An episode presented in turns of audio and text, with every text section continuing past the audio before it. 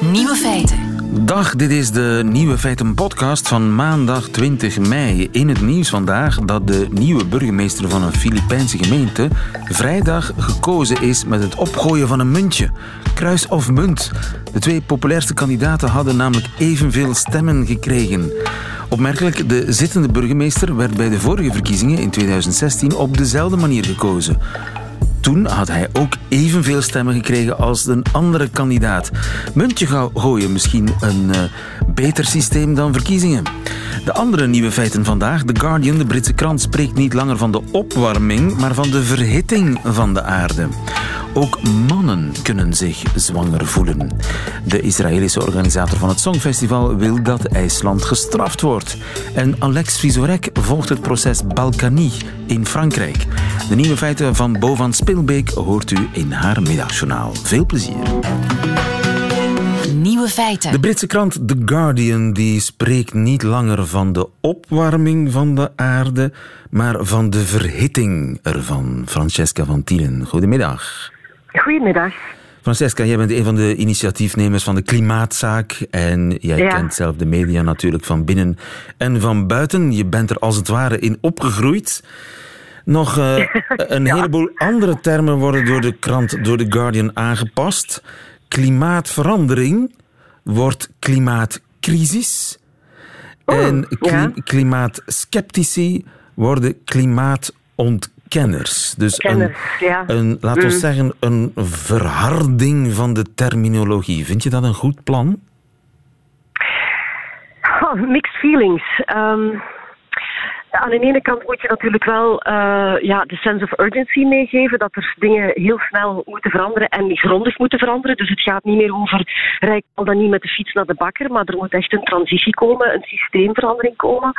Ehm, aan de andere kant kan je mensen natuurlijk ook niet doodslaan met alleen maar slechte berichten, want ja, dan, dan liggen de ziekenhuizen vol met allemaal mensen met burn-out en depressies.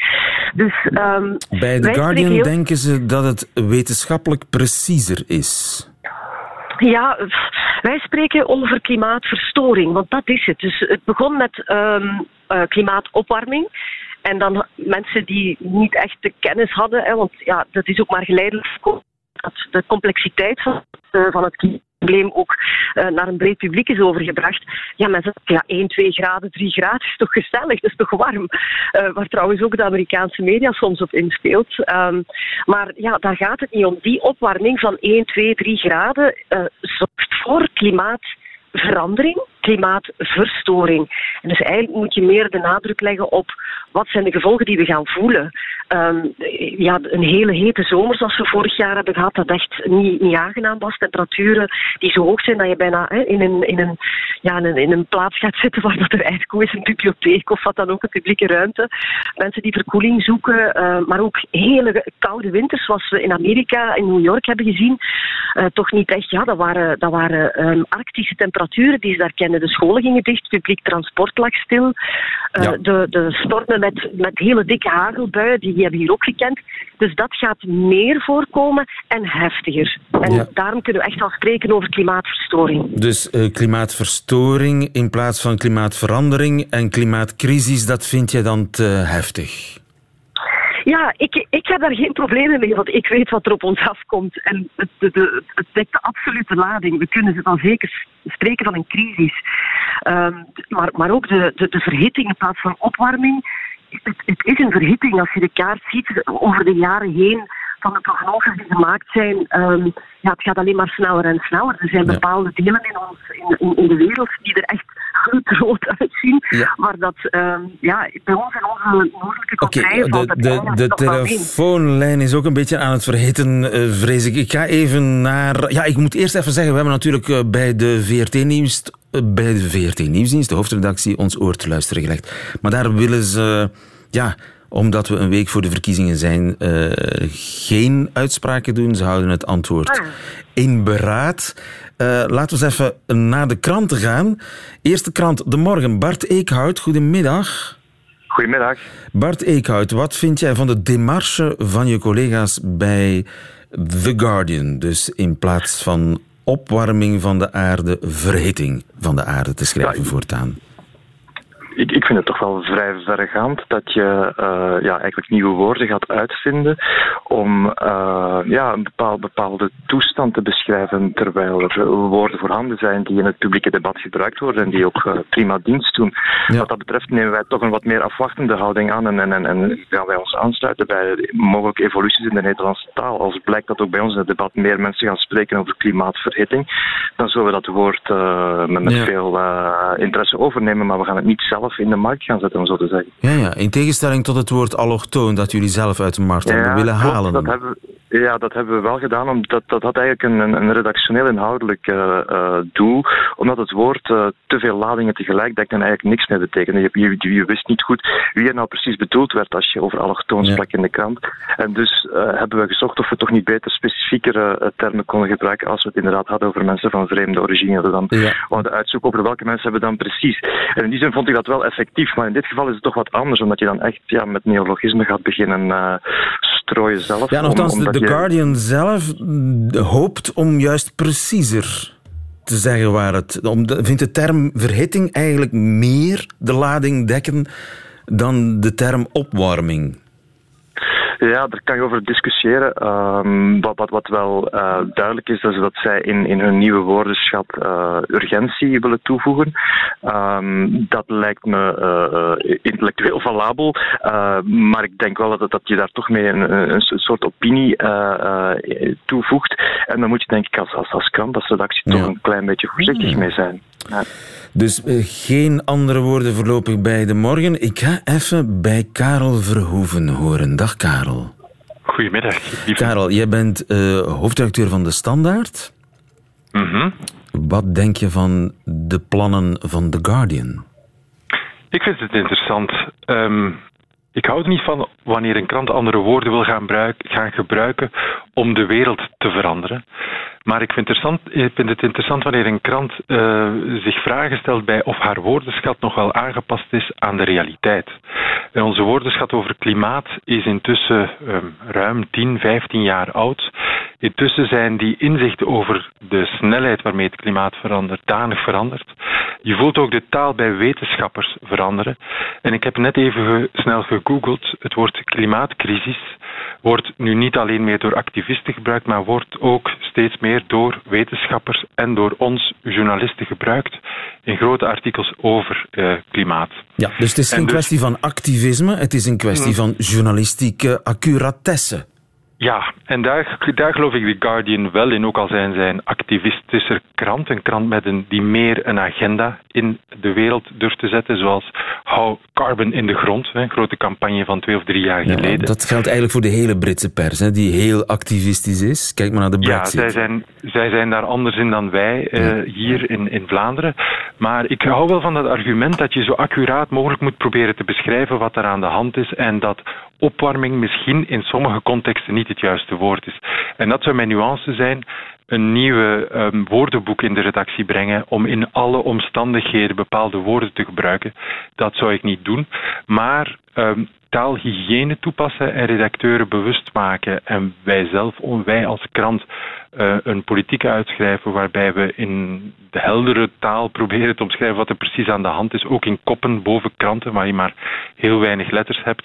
Daar zo precies mogelijk zijn en de dwingendheid van sommige issues proberen mee te geven, dat lijkt me nodig. Want de manier waarop we over de verhitting beginnen te schrijven, over de droogtecrisis beginnen te schrijven, ja, dat gaat toch al maar meer. We voelen daar al maar meer en sneller dan we dachten de impact van klimaatverandering. En dus in abstractie kun je het wel hebben over klimaatverandering, maar over droogte ga je toch zeer snel hebben over, over een crisis bijvoorbeeld. Dus als ik het eh, probeer samen te vatten, er komt geen nieuwe verplichte woordenlijst bij de standaard, maar er zal toch met aandacht gekeken worden naar de, de woorden die The Guardian gebruikt en dat ze worden overgenomen zou wel eens kunnen in dat we bewuster omgaan met onze taal over klimaat, zoals we dat nu al sinds twee jaar doen met onze taal over migratie. Wij spreken niet nooit over een migratietsunami. Of ehm, wij spreken, wij zullen vermijden, zo vaak mogelijk, om over illegalen te spreken, omdat mensen kunnen wel een illegaal statuut hebben, maar zijn daarom niet illegaal. Dus over een aantal onderwerpen hebben we al een hele ja, een fijne neus over welke taal gepast is en juist de juiste omschrijving is. En wat, wat ik hier uit The Guardian uh, besluit, is dat we ook nauwkeuriger nog moeten zijn in onze globale termen over klimaat. Ja, nauwkeurigheid. Bart Eekhout, uh, dat uh, lokt jou niet, die nauwkeurigheid? Toch wel. Uh, ze zijn ook heel erg uh, voor natuurlijk. Maar het, uh, ik moet ook zeggen dat we toch moeten opletten om een beetje te gaan discussiëren over het, geslacht van de engelen. En als ik een pannetje melk opwarm of ik verhit een pannetje melk, het verschil taalkundig is, is, is vrij minimaal. Dus eigenlijk is het lijkt het mij toch vooral de bedoeling uh, van, vanwege de, The Guardian, wellicht met de beste intenties, om, uh, ja, om zoals ik al zei, een, een, een, gevoel van urgentie toe te voegen. Um, en de, als burger kan ik dat inderdaad heel erg uh, waarderen, maar ik vind dat uh, als journalist en als iemand die, die toch meer leiding geeft aan een redactie, vind ik dat we daar toch moeten proberen um, zo objectief en zo koelbloedig mogelijk uh, te blijven kijken naar de feiten en die inderdaad zo, goed, zo juist mogelijk te beschrijven. En ik ben er dan niet helemaal uit of dat dat best gebeurt met de meest alarmerende woorden die we kunnen bedenken. Ja, de standpunten zijn duidelijk. Dankjewel Karel Verhoeven, dankjewel Bart Eekhout en dankjewel ook Francesca van Tielen. Goedemiddag. Altijd benieuwd. Nieuwe feiten. Meer en meer mannen komen uit de kast als zwanger. Mieke Kerkhoff, goedemiddag. Goedemiddag. U bent gynaecoloog aan het Jeroen Bos ziekenhuis in uh, Sertogenbos, in Den Bosch. Dat klopt. Niet zo lang geleden was er in Nederland een journalist die getuigde van zijn zwangerschap. Maar voor alle duidelijkheid, mannen die kunnen toch echt niet zwanger worden, hè? Nee, mannen kunnen niet zwanger worden. Althans, nu nog niet. Ik weet niet wat de wetenschap verder nog voor ons in petto heeft. In de loop der jaren. Maar momenteel is het zo dat mannen niet zwanger kunnen worden. Maar ze kunnen wel meezwangeren, naar ja, het schijnt. Dat, uh, dat, dat is inderdaad zo. Hè? Dat wordt uh, het Couvade-syndroom genoemd. Het Couvade-syndroom. Couvade, C-O U-V-A-D-E. -E. Uh, V-A-D-E, -E. dat is het. Couvade. Helemaal goed. Ja, jullie Vlamingen zijn zo goed in spellingen. Daar kunnen wij als Nederlanders niet tegenaan, hè? maar, maar in, in, feite is het dus zo dat Couvade, dat is dus eigenlijk het mannenkraambed. Zo wordt het ook ja, wel genoemd. Ja, ja, ja. En ik heb het ooit een keer, ja, als, als ik het nu al mag vertellen. Ik weet niet, wie heeft de leiding hier? Jij of ik? Vertel maar. Nou, ik heb uh, nogal een grote verzameling uh, ouderwetse boeken. En ik heb een boek uit 1921 en dat is getiteld De man en de vrouw in hun onderlinge verhoudingen en in hun betrekking tot de hedendaagse maatschappij. Ja. En daarin wordt de Couvade als volgt omschreven. En dat is echt lachwekkend, vind ik. Als we het in het 1921. zien. Ja, dit is dus 1921, ja. maar we zitten dus nu bijna 100 jaar later. Maar in 1921 werd gezegd over de couvade... dit gebruik bestaat hierin dat de kraamvrouw zelf onmiddellijk na de bevalling aan haar werk gaat... en dat in plaats daarvan de echtgenoot in bed gaat liggen en zich daar alsof hij zelf zwaar ziek was, door familie en huisvrienden en vooral door de kraamvrouw zelf laat bedienen en verplegen.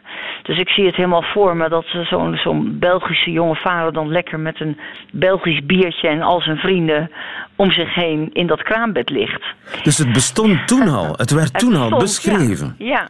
en het, het, zou vooral voorkomen in Zuid- en Noord-Amerika, in China en bij de Kaspische Zee en in de Indische archipel. Ja, maar dat boek uit 1921 beschrijft een situatie na de bevalling. Ja, inderdaad. Uh, bestaat het ook ja, in de loop van de zwangerschap? Nou ja, er zijn mannen die dus echt last krijgen van typische zwangerschapskwaaltjes. Die zijn misselijk en die hebben vreedbuien en lage rugpijn. En er zijn zelfs mannen die aan het eind van de zwangerschap een soort van weeën krijgen. En daar wordt dan heel vaak uh, een beetje om geglimlacht in Nederland.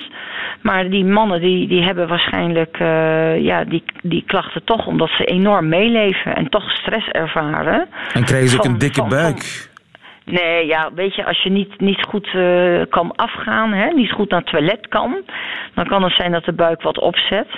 Maar uh, er zijn wel mannen die, die, die. Er zijn soms mannen die wat extra kwetsbaar zijn. Bijvoorbeeld als ze in het verleden uh, vruchtbaarheidsproblemen hebben meegemaakt. Of meerdere miskramen met hun partner hebben moeten doorstaan.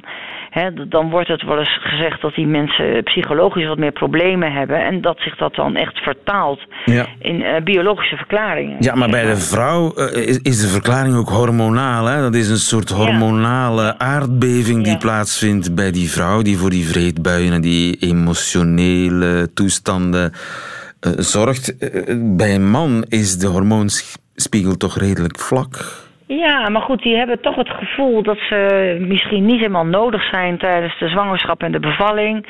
En ze voelen zich een beetje buitengesloten. En dan, dan kunnen ze dit soort klachten krijgen. En uh, ja, ze kunnen zo enorm meeleven dat ze dus de zwangerschapssymptomen van hun partner overnemen. Dus extreme empathie? Of aandachtzoekerij, ja. toch? Ja, nou ja, weet je, ik, denk, ik, ik, zou liever, ik zou het als, als ik zou het positief willen wenden. Ik, ik zou het uh, echt extreme empathie willen noemen. Kijk, ik heb dit soort mannen liever dan mannen die de hele dag op de verloskamer naar Eurosport kijken. Dat, dat type mannen hebben wij natuurlijk ook. maar uh, ja, weet je, ik, ik vind het mooi dat mannen zo empathisch zijn. En het is natuurlijk ook teamwork. Hè? Je krijgt samen een kind. En uh, zowel de zwangerschap als de bevalling is teamwork. Dus ik kan me, dat Couvades-syndroom vind ik wel iets te ver gaan. Dat een man er zoveel last van krijgt. Maar het is natuurlijk wel mooi dat hij zo meeleeft. Ja, maar u bent gynaecoloog met ervaring. Komt u het vaak tegen?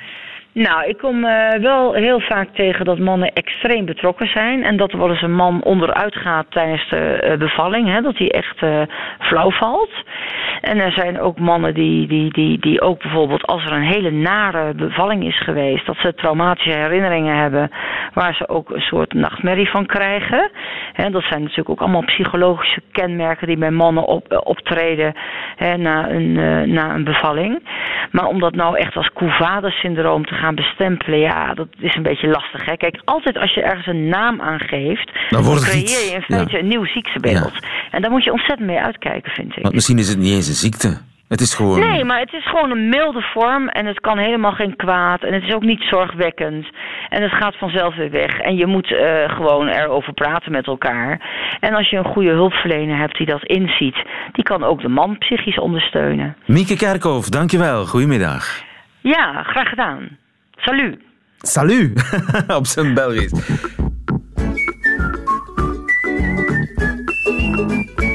Nieuwe feiten. Er hangt de IJslanders een zware sanctie boven het hoofd. Na een incident zaterdag op het Songfestival. Dat zegt de topman van de Israëlische omroep Kan. Goedemiddag, Raf van Bets.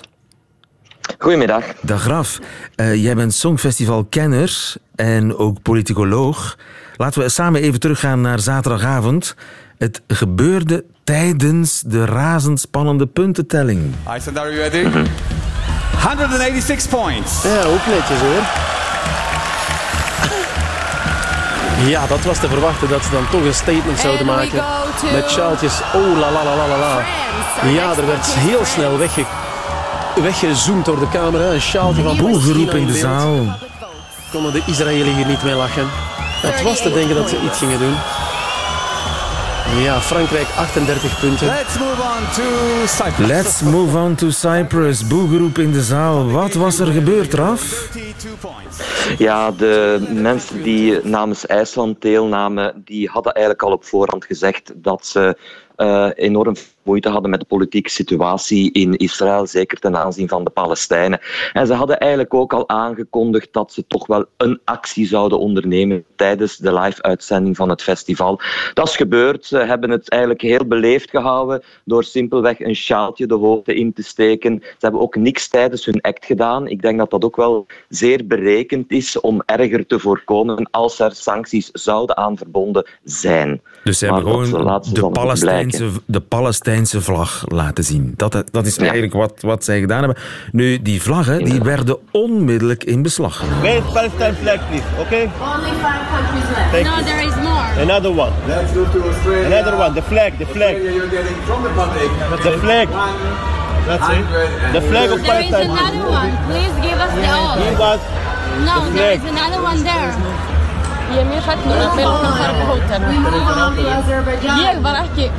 Give me please the flag of uh, Palestine. Ja, dus ze gaan eh, heel grondig te werk, de securitydiensten van het eh, Songfestival. Nog tijdens Ja. de uitzending, terwijl de puntentelling eh, gewoon doorgaat, eh, laten zij niet aan het toeval over. En die vlaggen die moeten eh, afgegeven worden. Nu, eh, de directeur van de Israëlische omroep Kaan, is dat de omroep die het festival heeft georganiseerd? Juist. Kaan is de nieuwe omroep in Israël. Vroeger was dat de IBA, die de vorige festivals heeft georganiseerd. Maar die is een paar jaar geleden gewoon stopgezet wegens financiële problemen. En Kaan is eigenlijk de opvolger van eh, IBA, zeg maar de Brussels Airlines van onze Sabena. Ja, om ja, een vergelijking te dus treffen. zij Nu, het is wel dit- zo, als ik, eh, als ik dat nog even mag zeggen. eh, uiteraard is die omroep op alles voorbereid. Israël sowieso, om heel snel en alert te reageren. Maar dat heeft ook te maken met het feit dat de afgelopen jaren er meerdere incidenten waren. Weliswaar van een ander allooi. Vorig jaar was er nog iemand die de Britse zangeres haar microfoon kwam afpikken om iets te brullen over een of ander regime. En in Oekraïne het jaar voordien, dan was er nog iemand die tijdens het optreden van Jama even de bühne opkwam om zijn blote kont aan de wereld te laten zien. Dus het is niet het eerste incident. Daarom zijn die omroepen natuurlijk zeer goed voorzien. En Israël is altijd een beetje een geladen verhaal. Dus uiteraard zijn die nog een beetje meer voorzien dan anderen. En dat is trouwens ook hun taak. Hè. Je kan dat jammer vinden of je kan daar, daar voorstander van zijn van dat soort acties. Maar eigenlijk, het reglement zegt dat het apolitiek is en moet zijn. Ja, dan moet je natuurlijk ingrijpen. En voor hetzelfde geld gaat dat niet over een vlaggetje. Dat kan je niet altijd zien. Dat kan natuurlijk erger zijn. En dan krijgt men het verwijt dat men niet ingegrepen heeft. Ja, ja. En dus die meneer Kaan, de topman van... Oh nee, wat zeg ik? De topman van Kaan, die heet niet Kaan, de omroep heet Kaan. De omroep heet Kaan, ja. Juist, ja. Die eh, kondigt sancties aan, maar ja, dat is natuurlijk aan de IBU zelf om daarover te beslissen. Zullen zij zo ver gaan, denk je? Die kans is zeer, zeer klein. In het verleden is daar ook al wel eens mee gedreigd, maar eh, in het reglement, ik heb het er even op nageslagen, staat het ook in de voorwaardelijke wijze. Er staat: A breach of this rule may, may result in disqualification. Dus wie tegen die, die regels rond het apolitieke ingaat, kan gedisqualificeerd worden. Nu, die kans is eigenlijk zeer klein, inderdaad al, omdat dat op EBU-niveau moet geregeld worden. Omdat er ook in het verleden altijd al vrij halfslachtig met dit soort situaties werd omgegaan in Genève. En ik denk dat eigenlijk de EBU beter uit dit voorval eens een keertje eh, lessen trekt en eens nagaat van A, hoe actueel is mijn reglement nog? En B, als dat zo is, hoe kunnen we het dan zuiverder en, en kordater laten implementeren? Want daar zit natuurlijk het probleem. Hè. Je geeft soms een vinger naar een politiek statement dat wel in het kraan past, maar dat betekent natuurlijk dat je de deur ook op een kier zet voor mensen met andere bedoelingen.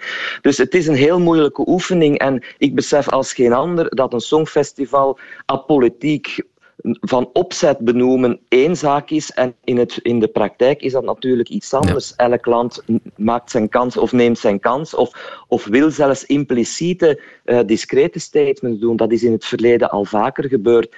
Dus Maar ja, het is, een heel eh, moeilijk verhaal. Niet de bedoeling afwachten wat de IBU zal doen met de opstandige IJslanders. Dankjewel, Raf van Bets. Goedemiddag. Graag gedaan.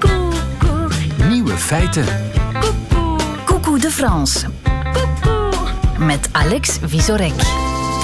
Hij is een beetje enrhumé vandaag, een beetje snotneuzig, maar niettemin het zonnetje in huis vanuit Parijs. Om ons op de hoogte te houden van wat daar allemaal gebeurt. Goedemiddag, Alex Visorek. Ja, dat is het. Goedemiddag, lieven. Vandaag maken we kennis met een van de bekendste politieke koppels van Frankrijk, Patrick en Isabelle Balkany. Patrick, en Isabelle Balkany, nooit Ja. van gehoord. Wie zijn dat? Ah, dat is, uh, c'est triste, parce que ils sont, c'est Bonnie en Clyde in Frankrijk. Oh. Dus Patrick Balkany is een rechtse politicus van de partij Les Républicains, de partij van Sarkozy.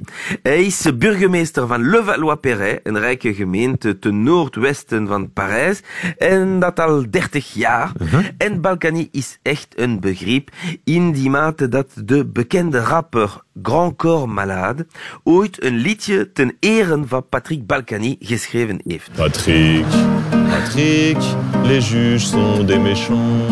T'inquiète, Patrick, personne ne les entend. Les juges sont des méchants. De rechters zijn de slechteriken. Waarom dan? Ah, wel, het liedje is natuurlijk cynisch bedoeld, want als Patrick Balkany een symbool is, dan is het een van fraude. Sinds 2000 is zijn naam opgedoken in elf zaken, maar hij voelde zich nooit schuldig. Je sais pas comment est votre cuisine, mais uh, je n'ai pas de casserole. Je n'ai pas de casserole. Wat betekent dat? Ik heb geen uh, casserollen, kookpotten. Is dat een uitdrukking? Kookpotten hebben... Ja, in Frans, uh, het is een uitdrukking om te zeggen dat hij in enkele zaken beschuldigd was.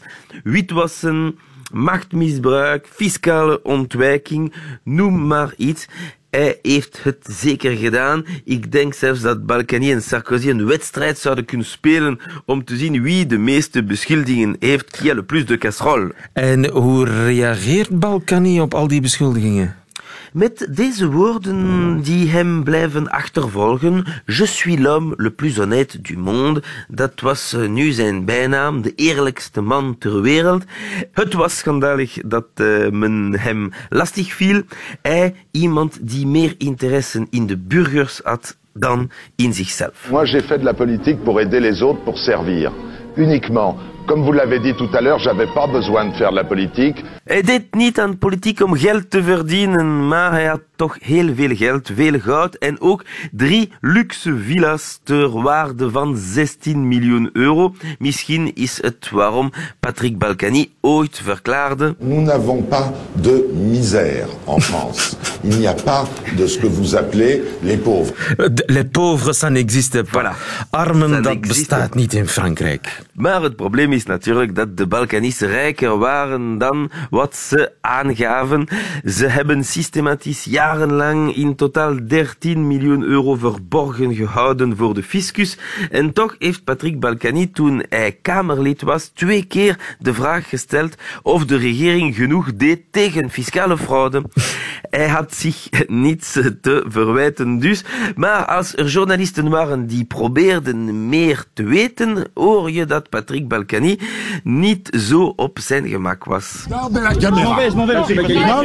Patrick Balkany s'empare de notre caméra.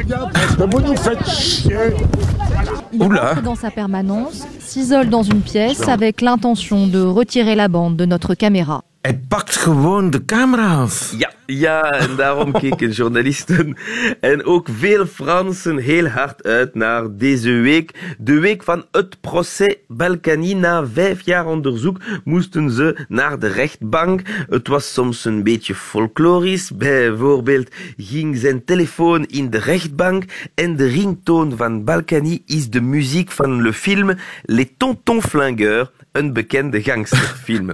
maar ook meer tragisch.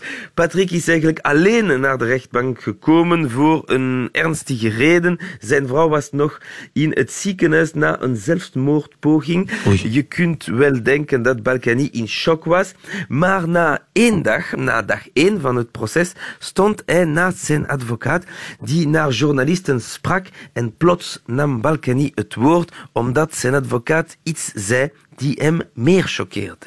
Son mari, qui est à 71 ans, qui l'a découverte euh, inanimée et qui l'a pensée morte. Bientôt, me vieillissez pas. 70, ça me suffit. Oui, c'est pas mieux. Maak me niet ouder dan wat ik ben. Ik ben geen 71, ik ben 70. Het is mijn vrouw die 71 is. Zijn advocaat was heel boos, zoals vele andere keren in de rechtbank. Ja, want Balkany is soms echt een schaamteloze showman.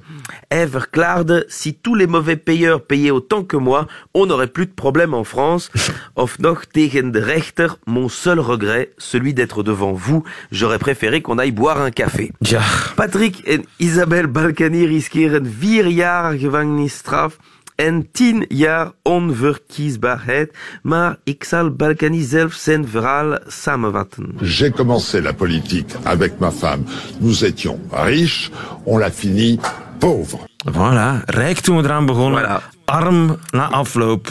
Politiek heeft mij arm nee. gemaakt. Dat is het, Patrick, Patrick. Patrick, Patrick, tu es fort, fier et franc. Merci, Patrick, c'est bien toi le plus grand.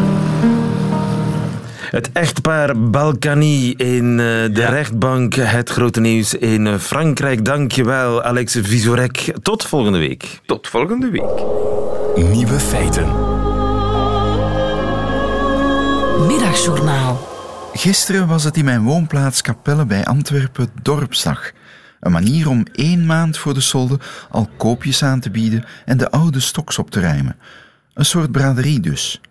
Dorpsdag is trouwens niet het juiste woord, want Capelle is even dicht bevolkt als een middelgrote Vlaamse stad. Maar een dorpsgeest heerst er nog altijd, in de positieve zin dan. Iedereen kent iedereen, of toch bijna. En als je op de dorpsdag rondloopt, word je altijd wel door iemand aangeklampt. Meestal heeft hij ook nog een mening over wat er in de wereld gebeurt. Nu wil het lukken dat Capelle niet alleen de woonplaats is of was van Rocco Granata en wijle tante Terry, maar ook van ander zangtalent. Want Capelle is de place we call home voor de familie Bettes. Sam Bettes, tot eergisteren Sarah, mag dan al met vrouw en kinderen in Californië wonen. Wanneer hij in het land is, verblijft hij bij zijn ouders in Capelle. En met mijn eigen achtergrond, niet op zanggebied, maar met mijn levenskeuze, ben ik daarom gisteren tijdens de dorpsdag veelvuldig aangesproken op de moedige beslissing van Sam Bettes. Van de hamburgertent over de parfumerie tot de boekhandel, of gewoon terwijl ik tussen de kraampjes kuierde, overal was hij, Sam, het gespreksonderwerp. Of vaker zij, Sarah. Zij komt hier al jaren op de winkel. Haar schoonzus heeft hier nog gewerkt. Sarah is echt een sympathieke, enzovoort. Vaak met de verontschuldigende uitleg: Ja, sorry, ik weet wel dat zij nu een hij is, maar het is nog wat wennen.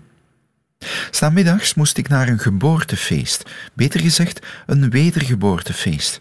Mijn schoonheidsspecialiste Joa, geboren als een hij, heeft net als ik de omgekeerde weg van Sam afgelegd. Om haar transitie te vieren had haar mama een verrassingsfeestje georganiseerd. Ook in het Antwerpse, met transpersonen erbij, en ook hier ging de naam Bettes over de tongen. Toevallig hebben mijn schoonheidsspecialiste Joa en Sam Bettes trouwens op dezelfde school gezeten bij dezelfde leerkracht. En die leerkracht was aanwezig op het feestje en vertelde mij hoe tof Sarah in de klas was. En Joa 25 jaar later ook. Wat ik van al die gesprekken onthoud, is de ongelooflijk grote warmte, het respect, het begrip en zelfs de bewondering waarmee iedereen over Sam Bettes in het bijzonder en transgenders in het algemeen spreekt. Met de aanvaarding van anders zijn kan er in Vlaanderen zeker nog vooruitgang geboekt worden, maar het voorbije weekend, sinds de openhartige getuigenis van meneer Sam Bettes, heb ik toch het gevoel gekregen dat het hier wel goed komt.